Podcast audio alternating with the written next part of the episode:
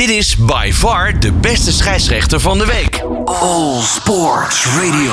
Elke week werpen we weer een blik op de VAR en de arbitrage in de Eredivisie. En afgelopen weekend zijn we verder gegaan met de competitie met speelronde 21.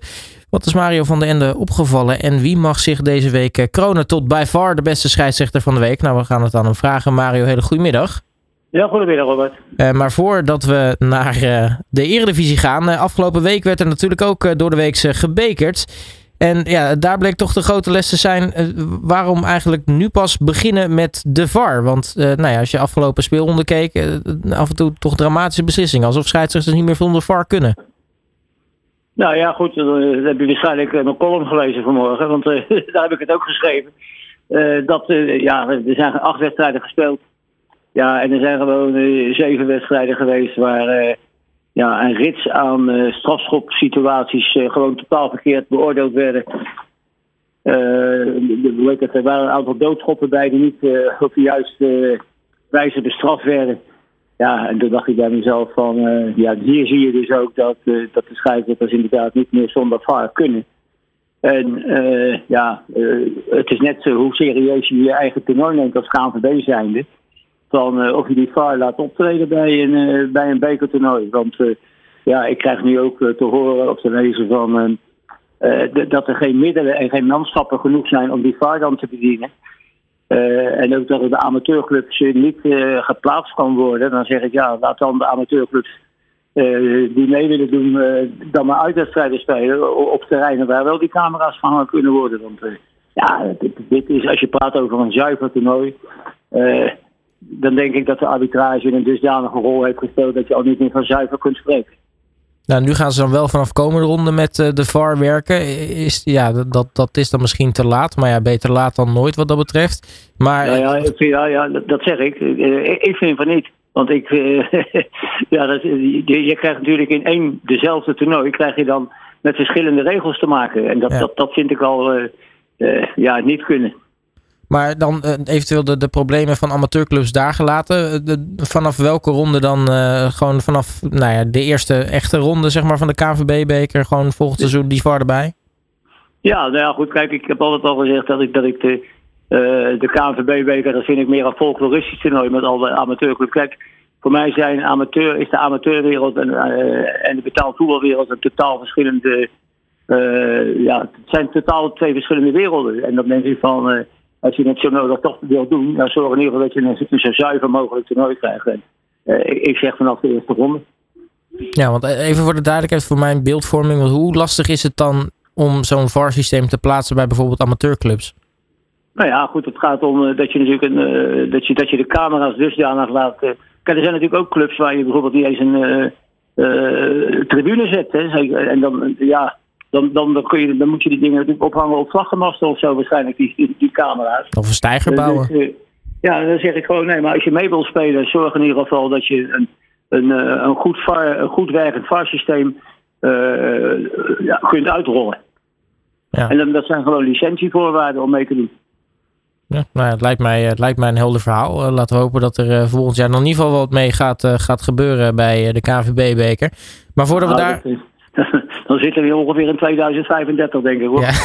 ja de snelheid waarmee de KNVB dingen verandert. Dus, maar goed. Uh, Eredivisie voetbal. Laten we het even over dit weekend hebben, want ook daar is weer genoeg gebeurd. Precies. Neem ons even mee, eh, Mario, want jij hebt er natuurlijk dit weekend weer druk zitten meeschrijven. Wat is jou opgevallen? Ja, een aantal zaken. Uh, allereerst bij uh, Emme Fortuna Sittard. Uh, daar floot Paul van Boekel. ja, er was een overtreding bij van, van Veendorp op de, de speler van de verdediger van Emmen op Ferrati. Die, uh, ja, die kwam dusdanig hoog in dat, uh, dat die Ferrati gewoon blij mag zijn dat ze hoogst nog uh, niet van zijn rond gescheiden werd. de scheidsrechter gaf slechts geel. En dat, ja, dat is ook een beetje kenmerkend voor zijn stijl van leidinggeven. heb ik het idee dat hij toch vaak de aard van de overtredingen gewoon te laag inschat. En dat zag je later ook bijvoorbeeld bij een overtreding van Araugo, de verdediger van Emmen, op Yilmaz ja, die eh, echt op de Achillespees inkwam. En waarbij de, de, Turkse spits gewoon geluk had dat hij de wedstrijd niet hoefde te beëindigen. Want dat waren, maar ja, dan zie je dus ook dat de, dat de scheidsrechter en de dienst in de VAR op dat moment uh, niks doen. En dat, dat verbaast mij dan hevig. bij Uh, PSV Groningen, dat was een, ja, een ABC-wedstrijdje voor, voor PSV. Groningen liet zich erg makkelijk naar de, naar de slagbank leiden. Maar op een gegeven moment ging de invaller van Groningen, Sher, die ging alleen op uh, Benitez af, de doelman van PSV. Uh, Hichler zat er vrij dichtbij. Mhm. En die herkennen een zwalbe erin. En dat was heel goed waargenomen. Want het was een ja, dat is voor heel veel mensen toch heel moeilijk te zien. En, hij had er in ieder geval goed oog op. Wat wij wel verbaasden was toen hij aangaf dat het een Zwalbe was. Dat dus niet uh, de, de, de Groningen speler met geel bestrafte. wat meer in het oorsprong was gisteren bij Sparta Go Ahead Eagles. Go Eagles, het team wat de laatste weken in de beker tegen ADO Den Haag al twee keer benaderd werd doordat ze geen strafschop kregen. De week daarvoor tegen RKC in de competitie. En ook gisteren was het toch weer in mijn optiek een 100% strafschop toen uh, ja, ik weet niet precies hoe je het zegt, maar werd neergelegd door, eh, de verdediger Sparta Abels. Manschot uh, die buiten het weg. Uh, de VAR Oostgrond kwam ook niet op de lijn. Ja, en dan, dan denk ik ook van hier zie je alleen maar weer dat van VAR alleen maar zin heeft. Als je daar gewoon kwalitatief geschikte mensen achter het scherm hebt zitten. Want dit was ja, voor iedereen die die overtreding heeft gezien gewoon een 100% strafschop. de heren van Feyenoord sprong in het oog een buitenspelgeval, een buitenspeldoelpunt. Uh, uh, Nunnely zou uh, opzettelijk, tenminste buitenspel hebben gestaan bij, bij de, voorafgaand aan de, aan de 0-1, die door uh, Bosnevich werd ingetikt. Ehm, ja, in mijn optiek, en als ik dan de spelregels er even gewoon, gewoon bij haal, dan, dan vind ik het heel vreemd dat deze ja, speler voor buitenspel, omdat ja, hier staat dat als je probeert uh, in de nabijheid uh, de bal te spelen, waarbij je de tegenstander, dus in dit geval de doelman, beïnvloedt, ja, of dat hij zijn actie duidelijk maakt dat die uh, tegenstander de bal niet kan spelen, ja, dat is volgens mij gewoon niet in vraag. Omdat de Feyenoord doelman op dat moment het verrichting van een schot volgde, op zijn knieën zat. Ja, en in mijn optiek verbaasde het me dat dit doelpunt dus werd afgekeurd. Maar ja, dat zette wel natuurlijk de wedstrijd op zijn kop, want in plaats van van 1-0 stond het een minuut later stond het, stond het, stond het 0-1. Uh, heel typisch. En ik, uh, ik hoop dat hier uh, ook nog eens een keer heel duidelijk ja, wordt gereageerd vanuit KNVB-zijde waarom dit doelpunt dan is afgekeurd. Want Kamphuis die, die gisteren ook toch ook weer liet zien dat hij ja, gewoon het voetbalgevoel miste. ook uh, die kreeg een gele kaart. En overigens terecht een gele kaart.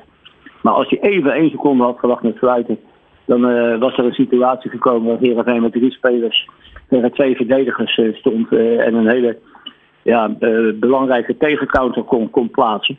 Ja, en dat werd door het fluitsignaal werd dat niet gedaan. Ondanks de goede gele kaart had hij gewoon even kunnen wachten en dan alsnog de aanval afwachten van Heerenveen en dan ja, erop terug kunnen komen.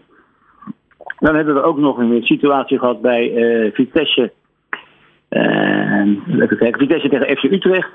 Waar uh, scheidsrechter van de Laan vloot. Die ook uh, ja, een overtreding van uh, Arsjes van, van Vitesse op van de streek dusdanig beoordeelde met een gele kaart.